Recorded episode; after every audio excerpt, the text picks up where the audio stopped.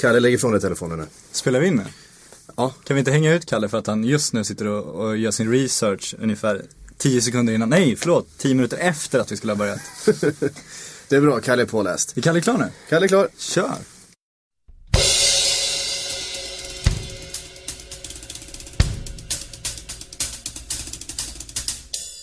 Hej och välkomna till Silly Season-podden här på Aftonbladet. Eh, vi som är i studion idag är Patrik Syk. Till vänster om mig har jag Kalle Karlsson och till höger om mig har jag Patrik Sjögren. Hur mår ni idag? Bra, alldeles utmärkt. Vi har ju varit och kollat på landslagsträning idag på Söderstadion och eh, jag tror att man hade kunnat haft en sämre eftermiddag än att sitta där i solen och kolla på den. Ja, Kalle har solat, jag har jobbat. Det är som vanligt. Det är som vanligt. Eh, finns det några intressanta... Jag som eh, behöver sola. Exakt. finns, eh, finns några intressanta Silly-rykten också i landslaget ju. Vi ska återkomma till det lite senare. Eh, du var inne, har varit inne på det tidigare idag Patrik. Eh, men vi börjar väl med en av de stora kanonerna eh, på Silly-marknaden just nu. Wayne Rooney. Eh, har ju inte direkt eh, det ultimata förhållandet till David Moyes. nej, inte Som, till som, United, kom, som kommer in till United och nej, han ser väl inte ut att vara kvar. Eh, vad sägs om Arsenal och Arsene Wenger? Kan det bli nästa anhalt för Wayne? Det ryktas ju om det, men eh, ska man någonstans gå till sitt sunda förnuft så kan man ju bara här, slita sönder det ryktet i tusen bitar och eh, det, det, man kan väl hacka ner det till ett, ser Arsenal ut att vinna några titlar nu? Eh, nej. Eh, två, kommer Arsene Wenger betala Rooneys lön? Absolut inte ens i närheten. Tre, kommer Arsene Wenger betala Uniteds prislapp? Knappast. Nej. Nej, det är, väl, det är väl egentligen det logiska sättet att se på det. Samtidigt så, så tror jag, när det gäller Rooney och titlar, så han har ju vunnit egentligen eh, allt man kan vinna på klubblagsnivå. Så jag tror att någonstans att han kan se just att vilja gå till en klubb, bli den största fisken i dammen och få bygga upp en ny klubb och ta dem till toppen som han var med och gjorde med United när de byggde om och generationsväxlade. Eh, när det gäller prislappen så vet vi ju inte hur stor den blir. Det beror på vilka som ger sig in i den budgivningen. Men om, Arsenal ska in i den budgivningen känns det Ja som. men om det blir en budgivning. Jag menar det beror på vilka PSG och, och de här plockar och vilka de får loss. Och, eh, blir det ingen budgivning så kommer det priset kanske att vara på en nivå som Arsenal kan tänka sig att betala. Om nu Wenger vill spendera pengar under det som kan bli hans sista säsong. Ja, nå, någonstans har man ju känslan, vi pratade om det tidigare, att det, det, det kan vara så. Och sen är det ju det där med lönen. Men där har vi ju också det. Jag menar, Arsenal måste ju någon gång höja det där lönetaket. Det, det tror jag de är medvetna om. Sen måste de ju höja det så groteskt mycket om de ska upp och, och plocka in Rooney i truppen. Men det är samma sak där. Någonstans blir det ju en brytpunkt också där han känner själv att okej, jag vill ju byta klubb. Jag kommer inte att få samma pengar om jag går till ja, Arsenal då. Då kanske han kan tänka sig att gå ner och man vet aldrig. Eh, det verkar i alla fall som att många fans eh, har eh, eh, blivit eh, uppjagade av det här ryktet. Ja, men, men alltså, det har ju pratats om, om eh, Paris Saint-Germain också. Det, det, finns, det finns ju en faktor där som är lite intressant. Wayne Rooney, uppvuxen i Croxteth eh, i Liverpool. Eh, Ett ganska, ett ganska jobbigt ställe att växa upp på på många sätt. Eh, en sån kille, han bor ju bara ja, ett stenkast därifrån nu. Eh, han spelar för Manchester United. Skulle han flytta till Paris Saint-Germain, flytta in på gräddhyllan. Nu vet inte jag vad den heter i Paris. Han åker ju till Jeremy Menez gamla förorter och sånt där och det är där han kommer bo. Ja, men alltså, hur, hur, den, den typen utav, utav saker, hur mycket spelar det in? Att, att liksom, han kanske inte skulle riktigt känna sig hemma i, i, Paris. Den gode Wayne har en flickvän om inte annat som kan lära honom ett och annat om det goda livet. Så att det tror jag inte skulle vara några problem. Jag tror Rooney också, eh, det känns som det är därför han inte trivs i United. Han är ju inte, som du säger, den största fisken i dammen längre. Om man är ute efter att vara den först, största fisken i dammen så är det ju Paris en ganska bra damm att vara i. För där finns det, Men det finns ju- stora fiskar. Det fin, finns, en- finns en ganska stor fisk i, i, i Paris som är, som, som är svår att brösta ut. Eh, om Rooney skulle komma, talar det för att Zlatan då skulle lämna? Eh, ja, det, det tror jag faktiskt att det gör. Eh, men jag menar, det är klart att de skulle kunna spela ihop och sådär. Eh, det är ingen tvekan om det. Men frågan är om, eh, om, om det inte är så att, att han ersätter honom i så fall. Ehm, Är vi nöjda med, med Rooney till Arsenal? Ska vi, ska vi gå vidare på just den, Vi den stora. Arsenal vet jag Det kommer ju att fortsätta det ryktet eh, en tid till, det är jag helt övertygad om. Och det kommer Eh, komma andra kom- Rooney-rykten också det när det kommer- blir mer desperat också. Ja, det kommer att vara en saga Att, som att det inte har pratats mer om Rooney till ja, Real Madrid. Då- Jag tror inte de är intresserade av honom helt enkelt. Utan hans aktier har sjunkit så kraftigt den senaste eh, ettårsperioden att eh, de allra bästa klubbarna i Europa är inte intresserade av att, att signa honom. Och då menar jag nog Real Madrid, Barcelona och eh, Bayern München. Det Jag finns ju en- tro att de skulle ta honom. En aspekt där också, man brukar tala om att eh, inga engelsmän blir proffs också. Och det kan ju till viss del bero på att de är så övervärderade i England kan jag tycka. Så att de ligger på sådana priser och med sådana lönenivåer så att det, det är inte värt att köpa loss dem helt enkelt. Nej, de kan hitta bättre alternativ. eh, Så är det ju. Men trots allt, han är bara 27 år gammal. Han har hyllats som en av de bästa strikersna i världen de senaste tio åren och, och, och sådär. Han måste väl ha han måste väl ha något att ge vilket lag som helst i världen ändå, eller? Har han tappat så mycket på bara ett år? Menar Nej, om man, om man kommer till en klubb och har rätt mentalitet så att han eh, kan vara den här spelaren som eh, tar ett jobb för laget även om man kommer till en eh, klubb som kanske inte har samma dignitet som Manchester United. Säg att han kommer till PSG och har samma inställning, proffsiga inställning eh, och kan ta på sig flera roller. Och inte tänker att jag ska gå till ett lag, bli den största stjärnan och vinna skytteligan. Då tror jag absolut att han kan tillföra jättemycket. För jag menar, vi såg även den här säsongen där många då menar att han hade en tung säsong. Så gjorde han ändå väldigt bra matcher och insatser i stormatcherna. Där han fick eh, ofta eh, en specifik uppgift. Chelsea borta tänker jag på, City borta tänker jag på. Där han var väldigt, väldigt bra. Mm. Ehm, vi fortsätter, vi, vi tar vägen via Paris Saint-Germain och ett annat skönt rykte som eh, börjat få mer och mer fäste, inte minst på sociala medier. Mest för att det är en, en sån här fansfavorit och det är ju ryktet om Zlatan till Chelsea. Att han skulle återförenas med den gode Mourinho eh, och dennes nya lagbygge då i London. Eh, det är väl inte mycket substans i ryktena som, eh, som har kommit men det finns ju någonting otroligt kittlande där. Inte minst då om en Rooney skulle vara på väg till PSG. Det känns ju som det kanske egentligen enda naturliga stället för Zlatan att flytta till. Eller? Ja, det är ju... Eh, det första jag tänkte när jag hörde det allra först, det var ju så nej. Men sen börjar man eh, sondera lite i det och det är klart att Chelsea kommer ju vilja in en eh, superstriker i, i sommar. Det är, det, de, eh, det är deras högsta prioritet. Och det finns inte så många att välja på. Nu gick de miste om Falcao som skrev på för Monaco som var deras första val. Sen har du Cavani, du har ett par till. Eh, sen är det inte så många fler som de har att välja mellan när de ska köpa en en anfallare som ska gå in, ta första rollen och vara den spelaren som ska göra att de är en, eh, liksom en kandidat i, i alla turneringar. Och sälja tröjor direkt också. Och dessutom gärna sälja några tröjor. Och såklart med kopplingen till Mourinho. Jag menar, vi vet ju att, vi pratade om det tidigare med, med tränare som gärna återvänder till sina före detta adepter. Statistikföretaget Who Scored eh, gjorde en, en analys utav, utav Zlatans spelstil och, och jämförde den med hur, hur Chelsea har spelat de senaste säsongerna. Eh, och menade då på att han skulle passa som handen i handsken då med, ganska, med mycket i bollinnehav, med, eh, med snabba mittfältare, snabb eh, med ett kvickt spel, med, både med sitt, eh, och med sitt långskott och med sitt eh, fina passningsspel. Eh, vad tror ni, skulle han kliva rakt in och, och dominera i Premier League ett sånt lag? Jag tror Zlatan skulle kliva in i nästan vilket lag som helst och dominera. Ja, Zla- Zlatanera. Zlatanera, exakt. Det nya värvet. Nej, men problemet är väl att Zlatan är 32 år snart. Zlatan eh, kostar enormt mycket pengar. Så att jag tror inte att alla klubbar vill ha Zlatan på något sätt. Det man såg nu med Juventus-ryktet som var så hett. Det ser ju snarare ut så att det var så att det var Zlatan som ville till Juventus och Juventus vill, vill aldrig ha Zlatan. Nej. Så jag tror att eh, om man nästar det här ryktet också, vi har försökt kolla var det kommer ifrån. Det, det är El Mundo Deportivo som skriver i Spanien idag. Och eh, vår kära kollega Robert Laul eh, ringde upp dem till och med tror jag och försökte kolla var de kommer, var de fått sina uppgifter ifrån. De kommer då från England, deras uppgifter. Och går man tillbaks till England och söker lite så hittar man en artikel i Daily Star för fyra dagar sedan. som hävdar då att eh, Zlatan är på väg till Chelsea. Och, eh, Porrtidningen. Exakt, som Simon Bank kallar en porrtidning.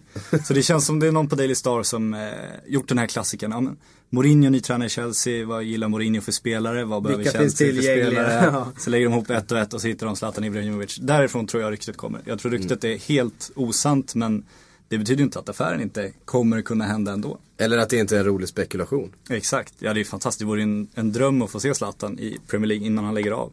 Ja. Tycker jag i alla fall. Jag tror inte Kalle säger emot heller, för jag tror hans blogg skulle få hyfsat mycket bättre trafik då också. Ja, eh, samtidigt finns det ju någonstans den här liksom eh, rädslan för att Zlatan skulle hamna i Premier League. Av den anledningen, med tanke på att då skulle liksom allting i den ligan man, man eh, bevakar skulle handla om Zlatan plötsligt. Där det istället är en massa andra som förtjänar uppmärksamhet också. Så att eh, jag vet inte om jag egentligen är så himla tänd på den tanken rent arbetsmässigt. Men däremot så är man ju jättespänd på tanken på att få se han i, en, i Premier League. Liksom, eh, hur skulle han hantera det? Jag tror han skulle klara sig utmärkt. Men Man- man- man- man- liksom man- man vill ju- i banorna. Man vill ju ha den där intervjun med, med eh, en Arsène Wenger efter en match mot, mot Chelsea när han ska då bedöma motståndet och, och, och ja, kanske uttala sig lite, lite beklagande över det faktumet att Zlatan har armbågat Santi Cazorla i en- på en fast situation. Och, eh, Man vill ha Zlatans svar på det framförallt. sen. Vem är Arsène Wenger? Ja, precis. Eh, nej, men det, det är förstås kittlande. Sen har vi en annan anfallare i Chelsea då som verkar eh, kanske inte lika kittlande utav det här ryktet. Det är Fernando Torres. eh, vad tror ni om hans framtid? Jag tror att han lämnar. Det...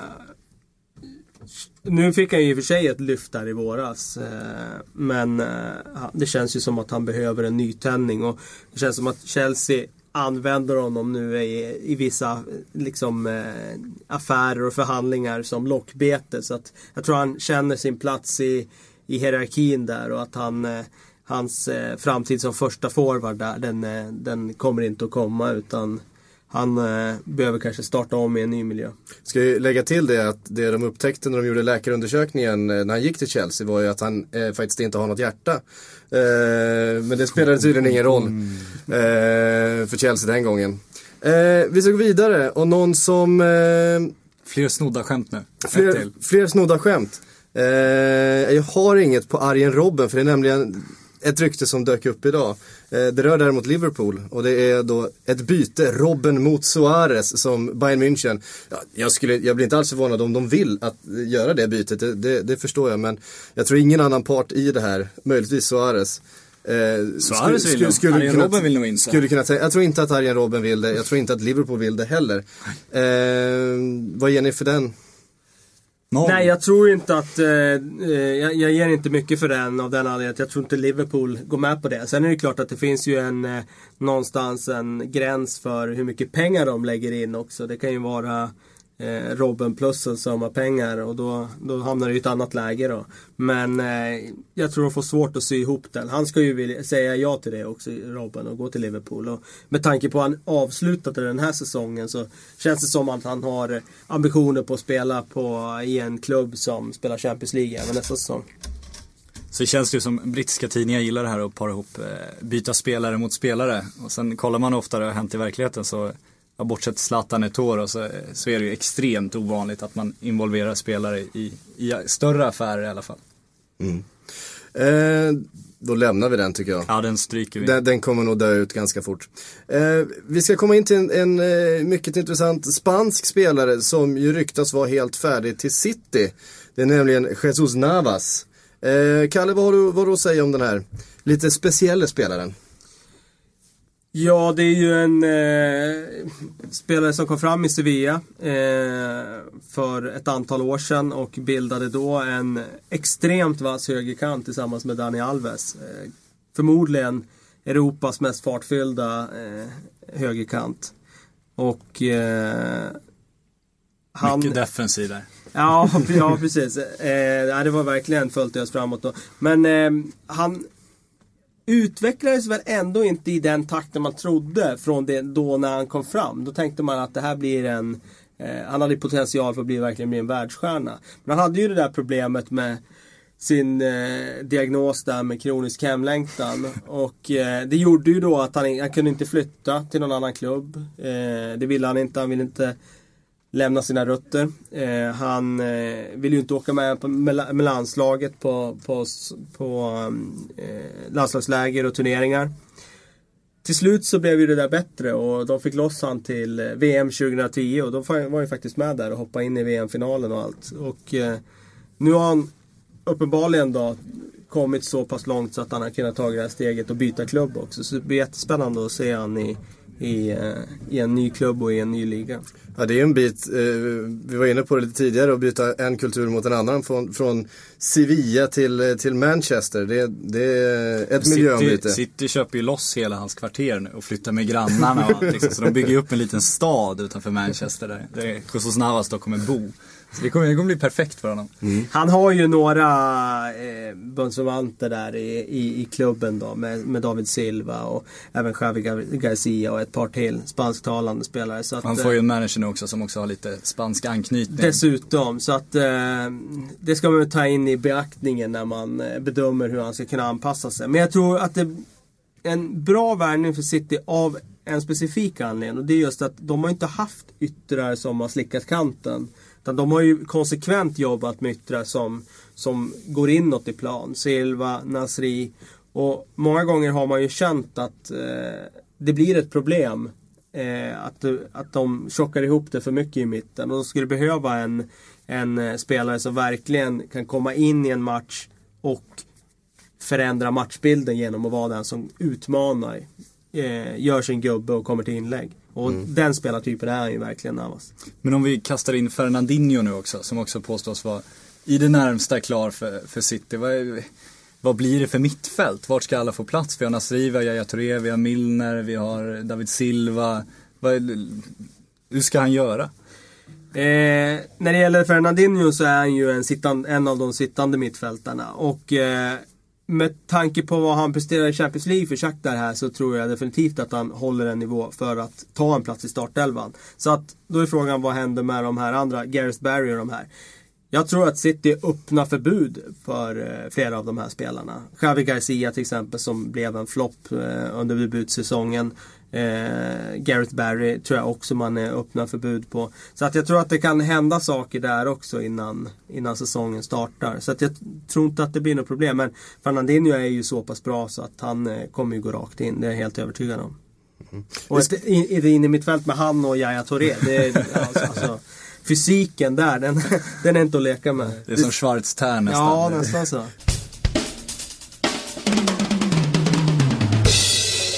Ja, från den eh, spanske Torbjörn Nilsson Jesus Navas så rör vi oss eh, ner till Spanien och Neymar. Vi ska faktiskt prata Neymar och Falcao. De är nästan identiska prislappar. Men det, det är lite intressant med just de här prislapparna och vad man får betala beroende på vilken klubb man är. Eh, Neymar kostade motsvarande då uppgifterna som har, som har läckt 473 miljoner. Falcao till Monaco kostar 471 miljoner. Eh, sen hur mycket agentarvoden och sådana där saker, det, det är ju ganska oklart. I Neymars fall verkar det vara väldigt mycket agentarvoden och... Eh, och en tredje part ska sägas. Och en, och en tredje part som är extremt luddig. Det är det väl i Falcaos fall också om jag har förstått det rätt. Det, det är det väl i, i de flesta eh, övergångar. Alltså det får väl inte vara en tredje part i Falcaos fall? Va? Ja, i Spanien tror jag det får vara. Mm. Eh, vad säger vi om de här siffrorna? Vad, vad, hade Falcao kostat så här mycket om han hade gått till, ja, säg Arsenal? Arsenal hade aldrig betalat så där mycket, framförallt. Men däremot kan man säga att om eh, eh, Neymar hade gått till Monaco hade han nog kostat mycket, mycket mer tror jag. Och eh, om Neymar hade gått till Real Madrid hade han förmodligen också kostat lite mer. Känslan är att Neymar sa till Santos att jag vill till Barcelona. Ta mig till Barcelona. Och då blev det en förhandlingssituation där Barcelona satt rätt bra i båten kan man säga. Så är det ju. Alltså de klubbarna som har trumf på hand med historia, tradition, eh, status just nu i, i hierarkin och eh, löneläge. De eh, behöver ju betala lite mindre för att där känner ju spelarna att eh, det är dit jag vill. Om Monaco ska värva, ja då är det klart då måste de salta på lite för de har ingen Champions League att locka med. Men det blir ganska tydligt här vad de får salta med för Falcao är ju en det är en färdig världsspelare. Han är 27 år tror jag. Om jag, där kan jag bli hängd på det, men ungefär i alla fall. Och eh, Neymar då räknas som ja, men världens mest lovande spelare om man ska ta den populistiska benämningen. Då borde ju Neymar vara betydligt dyrare kan man tycka. Men det faller ju på det där. Och jag tror Ja, Santos som- förväntar sig få ut mer egentligen också. Samtidigt är han ju inte riktigt färdig heller Neymar. Så det är fortfarande en liten osäkerhetsfaktor i det. Man vet inte riktigt vad man får. Han har inte satt sin fot i Europa än. Eh, så att, eh, men samtidigt så finns det ju en enorm marknadspotential i Neymar. Och det tror jag också väger in i hans pris. Att, eh, trots att han är så ung, trots att han inte har eh, liksom någon eh, längre meritlista än så länge så, så tror jag att de känner att de kommer få igen många av de där slantarna bara på tröjförsäljningen. Precis, man räknar, vi räknar väl med ungefär att den där tuppkammaren kommer vara den vanligaste frisyren på en spansk ungdom mellan, mellan 15 och 19 de närmsta två åren. Det är inte omöjligt. Så det fanns ju någon, någon ung brasse i Barcelona tydligen som eh, gick i skolan där som aldrig hade varit någon speciell kille för någon men nu när Neymar närmar sig så visar det sig att den där unga brassen han är, han är rätt lik Neymar tydligen och har lite samma frisyr som Neymar. Så nu har han fått skriva autografer och är tydligen jättepopulär på stan och sådär. Det finns små solskenshistorier där också. Det går fort i fotboll. Exakt. Eh, som sagt, Monaco får betala lite mer för sina spelare än, än andra klubbar. Eh, det kan vi konstatera. En spelare som ryktas nu eh, just till Monaco, och det här är ju också en ganska, ganska kittlande grej, och det är John Terry, Chelsea-ikonen. Eh, Chelsea-dåren. Chelsea-dåren, ja han, han, han lyckas ju på något sätt alltid eh, hamna bland rubrikerna på kvällstidningarna. Eh, Monaco lockar då med, ett, ja, med sitt skatteparadis som det faktiskt är.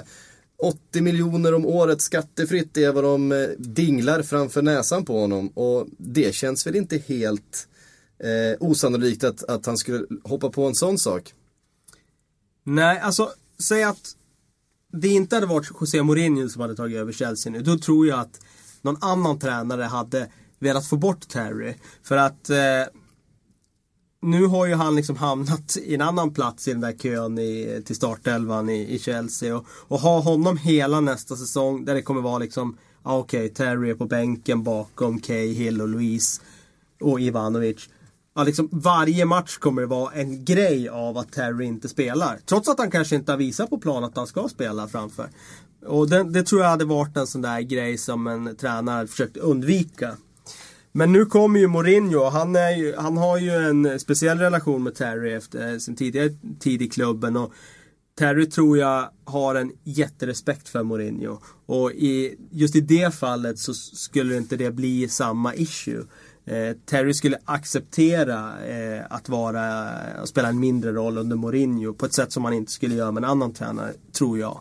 Vilket gör att jag tror att det slutar med att han kommer att behålla både Lampard och Terry eh, Mourinho. Eh, men det är klart att eh, 80 miljoner skattefritt eh, och säkert ett eh, en hyfsad ett- ett- Ja, precis. Och en, ett flerårskontrakt säkert. Jag menar, det är klart att det lockar. Det är vem 30 som mer än Zlatan tar av Aftonbladet för det fanns där hos oss. så att Det säger ju en del. Jag det- tänker väl tala det som talar för att han stannar också. Eller som talar för att Mourinho kan behålla honom och är också att Mourinho har ju Alltså en annan människa skulle ju ha problemet med att John Terry och Frank Lampard, det är ju liksom, det är ikoner för Chelsea-fansen. Det är ändå, de är ju älskade av Chelsea-fansen men grejen är ju att Mourinho är, ju nästan lika stor ikon för Chelsea-fansen också. Så att finns ju större tålamod från dem också med att han kanske kan, kan ställa över de här spelarna då och då. Och han, Mourinho är ju en ikon för Lampard och Terry Ja. också dessutom. För att eh, de var ju tämligen unga och var ju inte några färdiga världsstjärnor när han kom till klubben. Och han gjorde, det var ju under honom som de blev världsstjärnor. Och, eh, därför tror jag att det finns det där lite, jag inte säga fader och son relationen, men lite storebrors eh, relationen i alla fall mellan, mellan dem och Mourinho. Kan det bli ett problem då att Mourinho eh, av någon slags sådär, ja, men, gammal kärlek vill spela John Terry nu? Det finns ju alltid det, alltså risken för det. Eh, men förhoppningen är ju någonstans att Mourinho också inser att det behövs liksom eh, en förnyelse, den här generationsväxlingen som de har startat, den måste få fortsätta. Och att liksom framtiden för Chelsea, det är ju någonstans ändå att satsa på de här unga spelarna de har och som de planerar att värva. Men 80 millar skattefritt, ja, de är, det är den här Anders Svensson som skulle eh, bort till arabvärlden och vända och ta lite pengar sista och sen har man de, år som åker till Ryssland. Det, det är ju lite skönare att dra till Monaco och hämta de pengarna faktiskt, det måste man ju säga. Man, han kanske inte har kvar en enda spänn när han kommer tillbaka. Han, Nej, förmodligen inte. Han bränt en, allt på En Monte lunch Carlo på på kasinot där så, så är det borta. Ja. Ehm, en annan spelare med väldigt hög lön är Cristiano Ronaldo. Eh, det har ju ryktats en hel del, nu verkar det som av allt att döma att han stannar i Real. Men han har bara två år kvar på kontraktet. Hur påverkar det? Om vi, vi kan nästan blicka framåt till ett vinterfönster. För vi vet ju en spelare med ett år kvar på kontraktet. Eh, han kan börja sätta press på klubben när jag skriver inte på om inte det här och det här händer. Eh, hur tänker då en nyvald ordförande för eh, Real Madrid eh, kring, kring den jag tror, tror inte ens vi behöver blicka fram till vinterfönstret. Utan jag tror att om, om det är en månad kvar på det här fönstret och Cristiano Ronaldo säger till Real Madrid att jag kommer inte förlänga mitt kontrakt med er. då tror jag, då måste ju Real agera. De måste nästan sälja honom nu för att få bra betalt. För Cristiano Ronaldo, en sån stor affär gör du inte på ett vinterfönster. Det är exceptionellt ovanligt. Och ska du vänta till nästa sommar, då har han bara ett år kvar på kontraktet och då, då får du kapa 50% av den prislappen. Så det kan bli rock'n'roll sista månaden tror jag kring Cristiano Ronaldo. För just nu talar ju, ingenting talar för att han lämnar. Samtidigt finns det ingenting just nu som talar för att han håller på att skriva på ett nytt kontrakt. Nej. Ja, det kom ju lite sådär eh, olika bud. Jag läste någonstans, det var ju att han var på väg att signa nytt mm. kontrakt och han kommer stanna minst i 2018. Men det är liksom, det är så många olika... Eh, och det är ingen alltså, är riktigt tung än. Det finns nej. ingen sån här riktig fors av så att man känner att det verkligen är någonting på gång. Men det är så otrolig investering av Real Madrid. Vi snackar ändå en miljard kronor som de la på honom när de signade. Och eh, att då låta det gå till ett år kvar på kontraktet. Jag säger, man skulle vilja sitta i Ronaldos sits nu liksom. Sitta med alla trumf på hand och bara liksom låta tiden gå. Och han kan ju bara höja, höja sina, liksom, eh, sina insatser. Det är liksom... Eh, han får ett jättekontrakt i Real Madrid. Eller så får han ett jättekontrakt någon annanstans. Ja. Och ju mer tiden går desto mer höjs de där buden. Va? Men det det ryktas om nu det är ju förstås de här eh, som nu har klumpats ihop till en eh, en jättesatsning från Real Madrid är att de ska ha både Bale och Suarez. Så det pratas om 1,2-1,3 miljarder för de här två spelarna. Alltså i runda slängar 800 miljoner för Bale och en halv miljard för Suarez. Eh, vilket är vad Liverpool har sagt att det, det är det budet de, de överhuvudtaget kan eh, tänka sig. Då skulle de alltså få ett anfall, vi tänker rent sportsligt nu då med Ronaldo, Bale och Suarez. Då börjar vi prata Galacticos här igen va? Ja, då är vi tillbaka där. Ja, det är ju, skulle ju vara helt otroligt såklart. Eh... Men också ett, eh, en, en trio som har kostat 2,2-2,3 miljarder i runda slängar som två normalbra eh, startelvor i, i, en, i en bra liga liksom. Och inga, inga tydliga rollfördelningar heller får man ju säga. Det skulle vara intressant att se hur de spelar ihop de där. Ronaldo och Bale som vill ha bollen ganska, ganska tidigt också. Det är ju den, det är den stora frågan just. Ja. Ronaldo och Bale. Hur skulle de funka ihop? Jag, jag gissar att om, om de skulle spela i samma lag nu då, så jag tror inte Bale vill gå ut på högerkanten utan jag tror att då, då vill han ha sin roll centralt i plan. Då ska de samsas där på en ganska liten yta, Ronaldo och Bale. Samtidigt så finns det ju, jag menar, som försvar att möta ett lag som har två sådana spelare som kräver sån enorm uppvaktning och understöd. Alltså det, är ju, det skulle ju vara en enorm fördel också att ha, ha dem såklart. Och sen Suarez där framför som springer och jagar på allt och ja, gärna tar omvägen via tre, fyra försvarare med, med ett par tunnlar innan han, innan han kommer till skott. Ja, det, det, det är ju kitt, det är en kittlande tanke. Mycket bollkladd också man får man ju säga. Mycket bollkladd. Ingen Pippo Inzaghi direkt om vi ska ställa upp då utan Nej, då får de ju ha någon sån spelare på bänken då som kan komma in och röra om om det skulle låsa sig. Ja, intressant i alla fall. Eh, som sagt, Patrik och Kalle här har varit och tittat på svenska landslaget tidigare idag. Där finns ju en del spelare som eh, blir mer och mer intressanta på transfermarknaden. Eh, vi har pratat lite grann om eh, Bayrami Berg. Eller vi har inte pratat om det, vi har skrivit lite om det. Skrivit om det. Också Toivonen finns ju med där och det är ju lite intressant eftersom det nu ryktas lite grann i alla fall att Toivonen kan vara på väg till England. Det har det ju ryktats om tidigare fönster. Eh, och de ryktena verkar ha blossat upp nu igen. Du får eh, fylla i. Får redogöra. Men det är ju Fotboll International som man eh, ändå har ganska stor tilltro till skulle jag vilja påstå. Och de säger ju då att West Bromwich och Everton följer eh, Toivonen och eh, förbereder sig på att lägga ett bud då, men att de inte har hört av sig än. Och när man snackar med Ola idag så eh, visste han ingenting om det. Eh, men när han fick höra källan så blev han lite intresserad. Och när han fick höra att källan påstod att de hade sänkt prislappen på honom, PSV, till 38 miljoner. Så eh, brast han upp ett leende kan man säga och sa att det är betydligt mindre än förut i alla fall när de påstås ha krävt 90 miljoner för honom. Och det går väl att dra en parallell direkt till Ronaldo här om man skulle vilja det. Ola Toivonen har ett år kvar på sitt kontrakt nu. Om han återvänder till PSV så eh, har de lovat att sätta honom i B-laget sista året för att han vägrar förlänga sitt kontrakt. Han har sagt till dem att han inte kommer skriva på något nytt. Och det är exakt samma sitt som Cristiano Ronaldo kommer vara i nästa sommar. Även fast jag har svårt att säga att Real Madrid skickar ner honom till B-laget. lite svårt att säga det Castilla, Cristiano Ronaldo.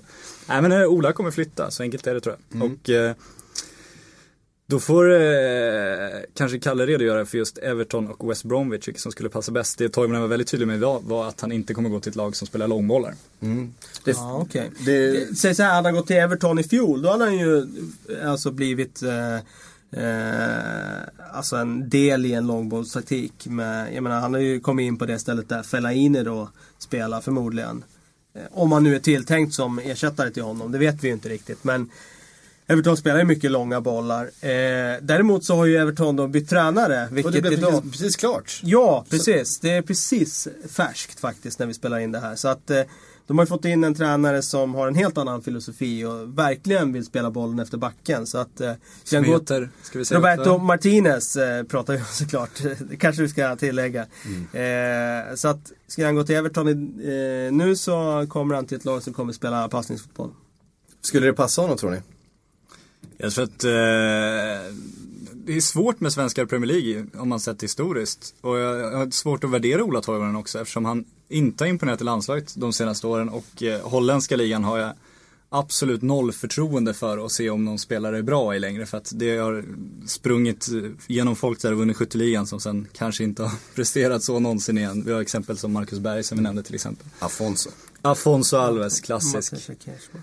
Mattias Cashman. Så att, eh, jättesvårt att säga. Det är klart Ola har kvaliteter och han ska ju flytta nu. Det här är liksom hans stora tid som fotbollsspelare. Om han håller i Premier League, han själv var övertygad om det. Jag är tveksam men, men grymt intresserad.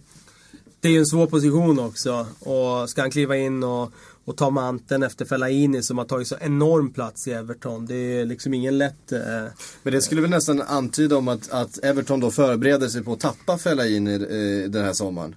Eh, det kanske är mer en, en sån att om de hör sig för, vad finns det för alternativ på marknaden som vi skulle ha råd med, som skulle kunna gå in på en liknande position. Och att det här snarare skulle röra sig om en utifall att, eh, ett utifall att intresse. För det är inte så mycket ändå som talar för att Fellaini skulle lämna. Eh, det är ju United då, att han skulle hänga med Moyes. Eh, men han har ju uttryckligen sagt att, att, att han vill stanna i Everton. Han har uttryckligen också sagt tidigare att han är beredd att flytta. Så att det är lite, som vanligt, lite du- dubbla budskap och sådär. Så att man vet inte riktigt hur man ska eh, bedöma det faktiskt. Ro- Robin van Persie älskade Arsenal och Samir Nasri älskade Arsenal. Och det där med att jag vill stanna citaten, är- de är smarta att säga så länge man är kvar. Sen, sen ändrar man dem när man väl har gått. Ehm, en annan svensk som inte är direkt eh, steket på transfermarknaden just nu men som eh, kan förvänta sig lite mer konkurrens på mittfältet i Spartak Moskva. Det är Kim Källström, Kalle. Vad är det som händer där? Ja, ju, idag kom det faktiskt bekräftelse från Valencia att de säljer mittfältaren Tino Costa till Spartak Moskva. Och eh, jag hajar till direkt för att det är ju en eh, spelartyp som är väldigt lik Kim Källström. Vänsterfotad central mittfältare, passningsskicklig, frisparksspecialist. Så att, eh, ja, eh, lite eh, brasklapp där för Kim. Och Kim har väl inte gjort någon dundersuccé i, i Spartak heller? Kim har väl inte ens varit given på slutet. Och då är det ytterligare liksom en brasklapp att de plockar in samma spelartyp liksom i truppen. Så att, ja, det blev lite sådär. Det kanske kan hända något för Källström i sommar också. Man vet aldrig. Eh, vi har nämnt eh, Berg, Bayrami.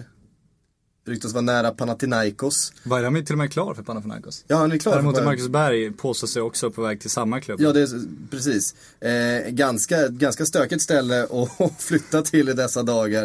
Eh, Han har en tror brokig karriär nu, Bayram får man säga. Han var ju otroligt imponerande i Twente och de eh, älskade honom. Sen var han otroligt nära en flytt till Premier League där och eh, sa till Twente att jag vill gå. Och sen föll den flytten i absolut sista stund och eh, då gick han in på Twentes kontor igen där och var inte jättepopulär kanske. Sen dess har han ju varit i frysboxen där och var utlånad till Monaco förra säsongen apropå märkliga ställen och Precis. kaosartade klubbar och nu ska han alltså försöka få fart på karriären i Panathinaikos. Jag tror inte han hade så många alternativ om man ska säga så. Att komma till Panathinaikos då är ju en, en jättechans om han lyckas ta den. För Panathinaikos är ju en stor klubb. Eh, det väl, skulle väl vara då den största klubben han har spelat i i sådana fall. Ja det är, det är jättestort, alltså hade han lyckats i Twente och de hade sålt honom då hade det mycket väl också kunnat bli Panathinaikos. För så stor klubb är det ju. Alltså, det, är, det, är, det är ett steg uppåt i karriären. Däremot har ju han kvalitetsmässigt kanske inte tagit de stegen så att man ser att han, han är redo för det här. Så det känns ju som en chansning från båda parter. En billig chansning för Panathinaikos och en, en intressant chansning för Bayrami såklart. Eh, Marcus Berg då? Ja, det här, det Han suttit i en tysk rykte. Klurigt rykte, ja och nu börjar man ju tänka om Bayrami blir klar för Panathinaikos då kanske Marcus Berg också kan bli det och då undrar man vem det är som sitter och, och scoutar åt Panathinaikos. Om det är någon, någon eh, svensk agent med lite intressen som kanske är bra på att övertala grekiska sportchefer. Lite så känns det för att eh, jag har svårt att se varför Panathinaikos skulle fastna för Marcus Berg. Eh, som sagt, är det några andra svenskar som eh, är heta på Ja, transfermarknaden vi, just nu? vi, vi måste flytta på Kim Källström snart, så enkelt är det. Jag tror att det börjar bli kärvt för Kim om jag ska vara helt ärlig. Och eh, jag har svårt att se vad han ska ha för alternativ nu. Mm. Han kommer hamna i en, en märklig sitt. Sen har vi också Jonas Olsson som var- var- sagt.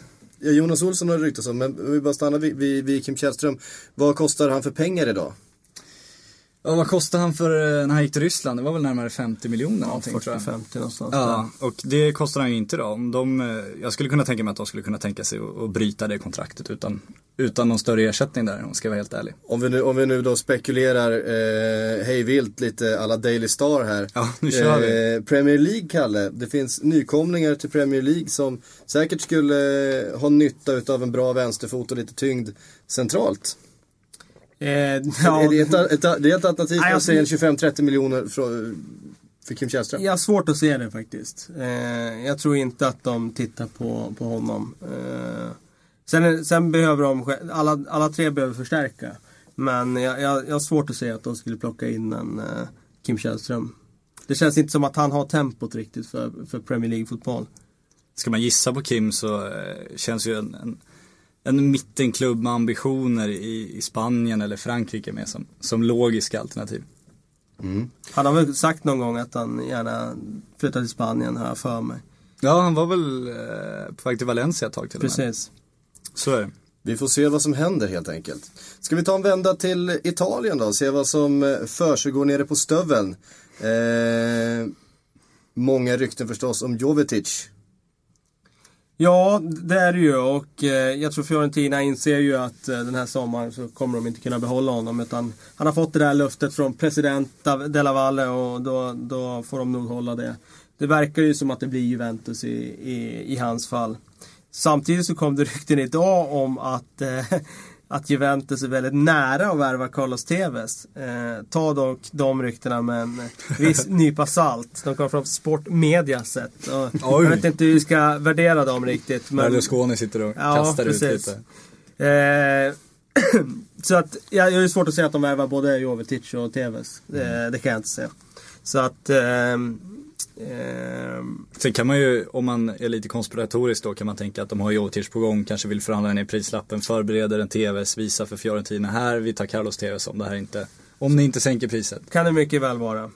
Eh, vad säger vi då? Juventus, den gamla damen, vad har de för status i världsfotbollen idag? Ja men den har ju ökat markant de senaste två åren med de här ligatitlarna. Nu är de ju verkligen på väg upp igen till att bli en stormakt i Europa. Nu var de och nosa lite grann eh, framme i Champions League, åkte ut mot Bayern. Nästa år kan de mycket väl vara framme i en semifinal.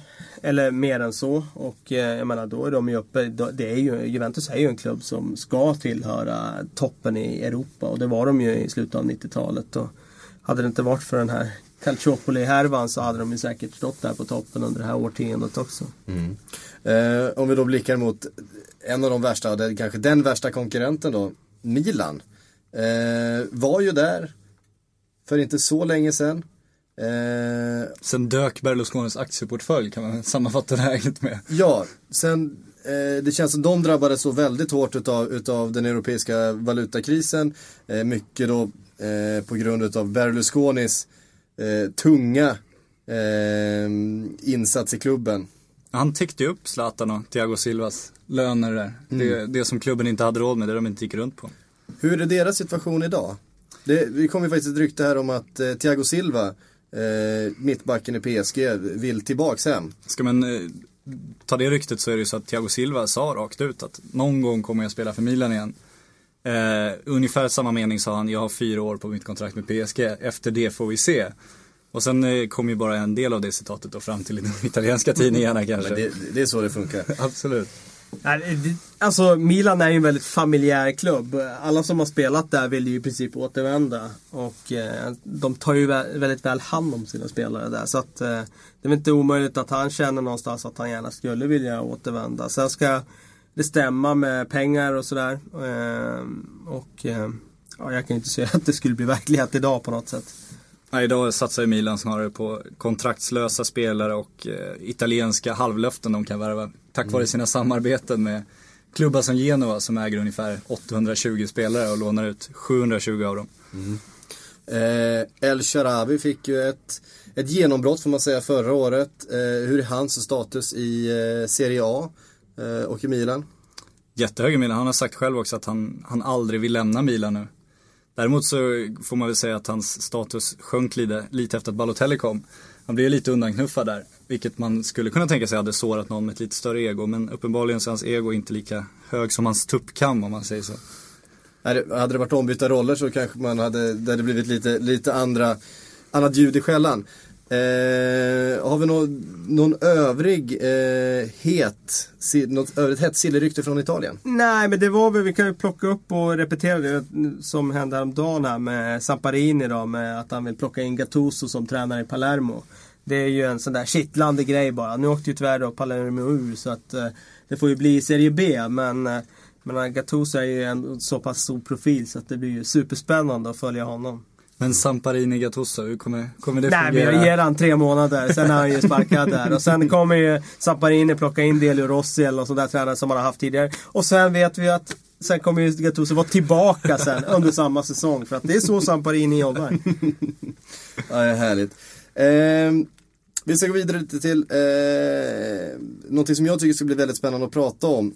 Under vintern så var det tre klubbar som eh, i Champions League Eh, på många sätt charmade fotbollseuropa. Det här är ju inga, inga okända klubbar på något sätt.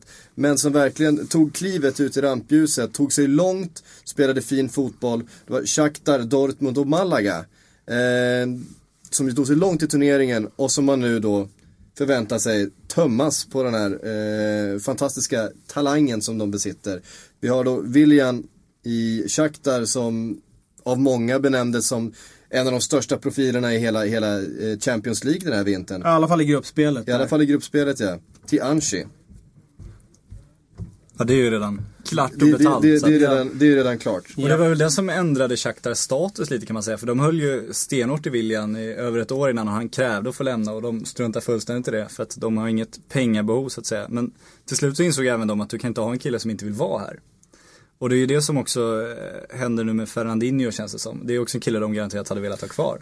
Men, Men, han, men det är också ett problem att vara där som spelare. För det är som Fernandinho sa här med att ska jag spela VM för Brasilien då han har ju insett att han kan inte vara i Shakhtar då för det är inte tillräckligt bra fönster. men är Anchi måste- bättre? Ah, för Anchi- William, nej, William kom ju ingenstans. nej. Han kom ju inte loss, enkelt var det. Till slut kommer Anchi och eh, lägger ett superbud. Exakt, som då gör att han äntligen kommer någonstans. Och då tror jag det snarare var så att, ja men nu äntligen jag kan dra någonstans. För det, du, Chelsea ville ju ha honom bland annat, men de la ju inte de pengarna. Och han hade ju inget val helt enkelt. Vi har pratat om Fernandinho till City. Eh, verkar vara väldigt nära. Det, det ryktas en del om, ja det här namnet alltså. Shoot, shoot. Mkhitaryan. Mkhitaryan. Mkhitaryan till eh, Liverpool bland annat. Eh, vad kommer in då? Kan de ersätta de här eh, spelarna? Det de har gjort väldigt bra genom åren det är ju att de har haft ett jätte, en jättebra scoutingverksamhet i Sydamerika och framförallt i Brasilien. Eh, där de har hittat och identifierat eh, guldkorn som de har plockat in. Så att eh, det är det de kommer göra den här gången också. Jag tror inte att de letar någon annanstans utan man går tillbaka till de marknaderna där man har gjort fynd förut. Och de kommer att, det var rykten nu om att de hade hittat då två spelare, nu minns jag inte namnet på de två. Men, och det var ganska stora pengar faktiskt. De skulle lägga. Det var liksom uppemot en 20 miljoner euro för de här två spelarna. Och det är ju ändå rätt mycket Där är ju Monaco-sjukan igen. Kommer du, ja men tja jag ringer från Shakhtar liksom. Jag vill ha din kille. Ja då, då kräver du ju inte 10 miljoner för din kille. Utan då vet du att Shakhtar ringer, ni har råd med 100 miljoner. Ja, de som har pengar de får ofta betala mer. Så är det ju. Eh, Så att eh, jag blir inte alls förvånad om de eh, hittar två nya guldkorn där borta. Men det är fascinerande hur, hur bra de varit på att hitta de här. Det är ju helt otroligt om man ser till de scoutingnätverk, nätverk, Premier League-klubbarna, alla ligaklubbarna jag jobbar med. Ändå så lyckas Shakhtar ta de här William, Fernandinho. Det är, ju- det är ju otroligt bra gjort av dem. Eh, Mkhitaryan då, han var ju också väldigt eh, omnämnd under vintern. Eh, vad är det för spelare? Ja, det är ju en supertalang som jag dock, när jag har sett han så har han inte varit så bra som eh, eh, ja, vissa vill få det till. Jag vet Simon Bank har ju skrivit jättemycket om Mkhitaryan. Eh, Såga Simon nu, kom igen. ja, precis. Jag såg att Simon som nobbar var med i podden idag. Sätt Eftersom, eftersom han nobbar var med i podden idag så borde jag nästan såga han. Ja, Nej, jag tycker det. Nej men eh, jag har inte sett, när jag har sett Mkhitaryan spela så har han inte levt upp till de förväntningarna som eh, andra har gett mig. Men eh, det är ingen tvekan om att det är en supertalang. Eh, så att eh, i hans fall så eh, skulle man ju också vilja ha den här liksom, se han i en större liga innan man bedömer. Jag ska bara flika in det när vi nämner eh, Shakhtar. Eh, jag jobbade på Gothia Cup för några år sedan och där fanns det eh, en 16-åring som hette Eduardo. Eh, som spelade för Cruza, eh, Cruzeiros eh, 16-åringar och han var fullständigt fenomenal. Helt överlägsen. Han, han klackade och sulfintade och lobbade. Eh, han spelar nu i Shakhtar. Jag kommer ihåg att eh, tidningen Aftonbladet, som jag då inte jobbade för, eh, satte en prislapp på honom på 200 miljoner som 16-åring. Han var alltså den högst värderade 16-åringen i världen på den tiden och ryktades då vara helt klart för Chelsea. Hamnade slutligen i, i Shakhtar och eh, har gjort det bra. Spelar från start många matcher under, eh, under eh, Champions League. Eh, där det är ju framförallt är där man, man ser dem spela. Det är inte så ofta man tittar på. Du rattar inte in i inhemska ligan där så ofta. Alltså. Nej, inte jätteofta. Det står alltid på på min Ja. TV, det är märkligt. Jo, jag vet det. Jag har ett annat liv. Oj. vi, lä- vi, vi lämnar Shakhtar Simon där. Bank vi ska trycka dit ju. Ja, det det var så det var, okej. Eh, vi lämnar Shakhtar då och räknar med att få se nya brassetalanger eh, snurra upp stela brittiska mittbackar även nästa eh, upplaga av Champions League. Vi går vidare till Dortmund som tog sig hela vägen till final och var ju så nära och det, de, verk, de verkligen hade hela, hela fotbollsvärlden nästan med sig in i den här finalen och det vore ju så fantastiskt om de vann och så kom stora stygga Bayern München. Knep bucklan och nu ser de ut att knipa flera av deras största talanger också. Götze är redan klar och Lewandowski, även om det inte har bekräftats än så har han själv sagt att han är klar för en annan klubb. Han är överens med en annan klubb. Han är överens Det återstår för den klubben annan klubb. förmodligen att gå till Eh. Dortmund och övertala dem att släppa Lewandowski också. Och vi gissar väl att den andra klubben inte är Bayer Leverkusen. Nej, Eh. Lewandowski säger att det är hans drömklubb. Nu har ju vissa positiva Arsenal-fans, Arsenal-fans är ju fantastiska i silly season-tider på att leta upp gamla uppgifter och, och få till att de största spelen ska till dem, vilket man får beundra dem för. Och det är någon som letat upp någonstans då att Lewandowski någonstans, någon gång eventuellt har sagt att han hejar på Arsenal. Så då börjar det spekuleras i att det är hans drömklubb då. Han skulle det gjort återstår att se om det stämmer, men man måste beundra Arsenal-fansens ihärdighet i det här. Jag, jag är genuint ledsen faktiskt eh, över att eh, Dortmunds lag eh, splittras nu. För att någonstans känner jag att det här liksom var liksom dråpslaget för den här fina drömmen vi alla har om att det går att bygga ett lag med egna spelare, egna talanger och nå toppen och sen liksom slå sig in där. Men Dortmund har ju gjort precis allting rätt nu i, i många år. De har tagit sig dit och nu är man där, men i det läget då så, så, så kan man inte ta det där sista klivet. För att de hade ju etablerat sig i toppen om de här spelarna hade stannat. Men uppenbarligen så, det är i princip omöjligt att göra det. Det går inte att ta det hela vägen. Om man inte har en sugar daddy som, som kontinuerligt liksom lastar in pengar och höjer löner och så. Precis. Ja, vi kan ju titta på deras offensiva mittfält, vad som hänt de senaste åren. För det är, ju inte bara i år de har spelat fin fotboll Dortmund. Eh, Nuri Sahin, Kagawa, nu Götze. Det är ju helt okej, det är ju helt okej spelare som de har plockat fram, sålt, det har kommit en ny, gått iväg. Nu ryktas det att Christian Eriksen är på väg in och ska ersätta, också en spännande eh, dansk. Eh, det, finns ändå som, det känns ändå som det finns någon sorts eh, satsning där i alla fall om man jämför med eh, Shakhtar som bara liksom jobbar med, med brassetalanger som då inte scoutas av några andra storklubbar. Christian Eriksson har ju scoutats av ja, de flesta storklubbarna i Europa. Ser nu ut att vara ganska nära Dortmund. Vad, vad, kan han gå in och ta Götzes plats? Säger det är ju en av få unga spelare i Europa som skulle kunna vara kapabel till att göra det. För så pass högt värderad är ju Eriksen att, eh, att vi får nog eh, kalla honom en av Europas mest eh, lovande. Ja, det känns logiskt någonstans att, att plocka in en ung spelare bakom Guds, alltså inte ta en färdig spelare som är 32 utan att de fortsätter med det de har gjort väldigt bra i många år. Så att eh, det är inte alls omöjligt att det blir så. Och tappar de bara Götze och får in en Christian Eriksen då kanske inte förlusten blir så stor för du, du kan sätta in en Eriksen i en, i en fungerande ram.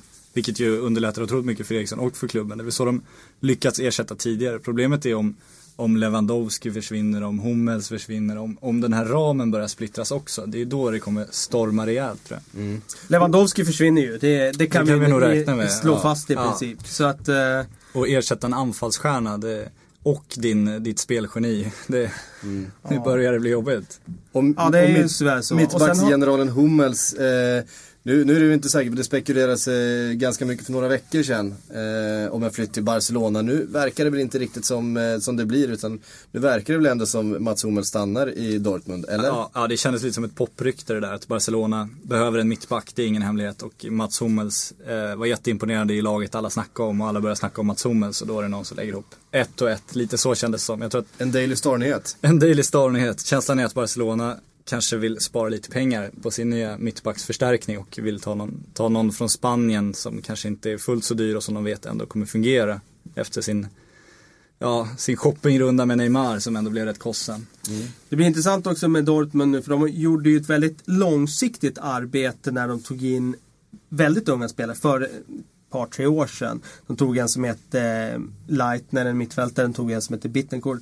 Idag eh, kom nyheten att de hade släppt Bittencourt nu på lån. Eller de hade, de hade, förlåt, de hade sålt honom till Hannover. Men med ja, klausul att köpa tillbaka. Men säg då den här generationen de fick fram när de fick fram massa superspelare. Det är inte säkert man gör det år efter år. Utan ja, nästa generation som ska ta vid nu när de släpper de här. Ja, uppenbarligen är de inte tillräckligt bra ännu i alla fall för att, att ta det steget. Mm. Eh, där lämnar vi Dortmund och kliver över på Malaga. Det här projektet som drogs igång för ett par år sedan. Eh, som hade väl ändå sitt, sitt, mest framgångsrika år i år. När man var ytterst nära eh, att slå ut Dortmund i Champions League. Pellegrini vet vi, har lämnat, klar för City. Isco, den största stjärnan i laget, verkar också vara nära City. Vad blir det kvar av Malaga? Och vad får City i de här två? Ja, Isco till City får vi dra en, en liten, liten parentes kring än så länge tror jag. Den känns inte helt klar. Jag tror att Isco stannar i Spanien. Det är rykten. Det är rykten, det är, rykten är det, men ja. man ska vara tydlig där bara. Ja, ja. Ja, alltså Malaga har ju det här problemet med att de är avstängda från Europaspel och de överklagar. Och, ja, ja det, det sätter ju sådana käppar i hjulet för dem. Jag tycker verkligen synd om dem för de har ju gjort det så otroligt bra. Eh, och den här förra säsongen hade de ju verkligen liksom eh, det var ju som att de slog sig undan benen för dem där under sommaren när de eh, ja, inte skulle få värva spelare och det var liksom alla möjliga typer Shakerna av... tröttnat. Ja, och... de var inga löner som kom och det här. Och Pellegrini sa att jag, jag står kvar på det här skeppet och jag kommer vara den sista som lämnar. Det var så häftigt att han gjorde det och så får de en så bra säsong och de går långt i Champions League och sen Ja, nu har de väl tyvärr då kommit till vägs ände där. Tränaren lämnar, stjärnan kommer förmodligen lämna, Isco då. Och eh, det blir slutet för den här storsatsningen. Mm. Är det fritt fall nu för Malaga, tror du det? Jag tror att de kommer att gå tillbaka till att bli ett lag på underhalvan i, i La Liga, jag befarar det. Finns det fler stjärnor där som eh, kommer intressera storklubbarna runt om i Europa? Eller är det, är det färdig raidat? Nej, men jag tror inte att sådana som liksom Joaquin och sådana är så heta på marknaden längre. Utan, eh, Rocky Santa Cruz. De har ju, de har ju lite det där dröm-CM-laget man hade när man lirade Championship Manager förut. De har Rocky Santa Cruz, eh, Javier Saviola. Det är de här ja, killarna som var svinbra då. När man, De Michelis. Tio år sedan ja, bara. Men, mm. Fantastiskt. Men de eh, kommer ju falla. Frågan är ju vad som händer med, med pengarna shejken puttat in i de här spelarna när spelarna säljs, om klubben får behålla allt eller vad, vad, han ska intressera sig för. Det finns ju en ekonomisk aspekt som är rätt farlig för dem också, som eh, borde vara ett varnande exempel för Manchester City-fans, PSG-fans, det går ju att dra de exemplen i evigheter. Vad händer när, när shejken tröttnar? Vad, vad hade hänt om Abramovic nu tänker att, ah, fotboll, nu, nu ska jag satsa på ridsport istället. Det är en märklig och lite skrämmande tanke. De är otroligt sårbara de här klubbarna. Så är det. Med de orden så är vi färdiga för idag faktiskt. Det här var det tredje avsnittet av CDC-podden, Eh, vi som har pratat idag, det heter Patrik Syk, Kalle Karlsson och Patrik Sjögren. Eh, följ oss på Twitter. Gå in, diskutera, ställ frågor, kom med önskemål på hashtag Sillypodden. Där händer alltid spännande saker. Såga Simon Bank på Sillypodden. Var absolut inte rädda för att såga Simon Bank. Välkomna. Och, och provocera gärna Erik Niva till att använda hashtaggen också. Ja, det, retweets utlovas. Ja, verkligen. Från Kalle. Eh, eh, med det så tackar vi för oss. Vi hörs. Vi ska säga det också att det är många som frågar om när nästa avsnitt och så kommer. Och vid något tillfälle så tog vi ett beslut om att vi skulle komma ut varje torsdag. Eh, sen insåg vi att det finns, ingen, det finns ingen vinst i att vara benhårda på det utan vi kan nog komma ut mer än en gång i veckan också. Eh, vår, vår, i, vår riktning är att vi ska komma ut varje torsdag. Men som nu kommer vi ut en onsdag. Vi kommer i alla fall ut med ett avsnitt varje vecka, så mycket kan vi, kommer, kan vi lova. Eh, vissa veckor kommer vi säkert komma ut med fler. Bara håll lågan brinnande och eh, tjata gärna in fler avsnitt. Det påverkar oss, tro mig. Tack!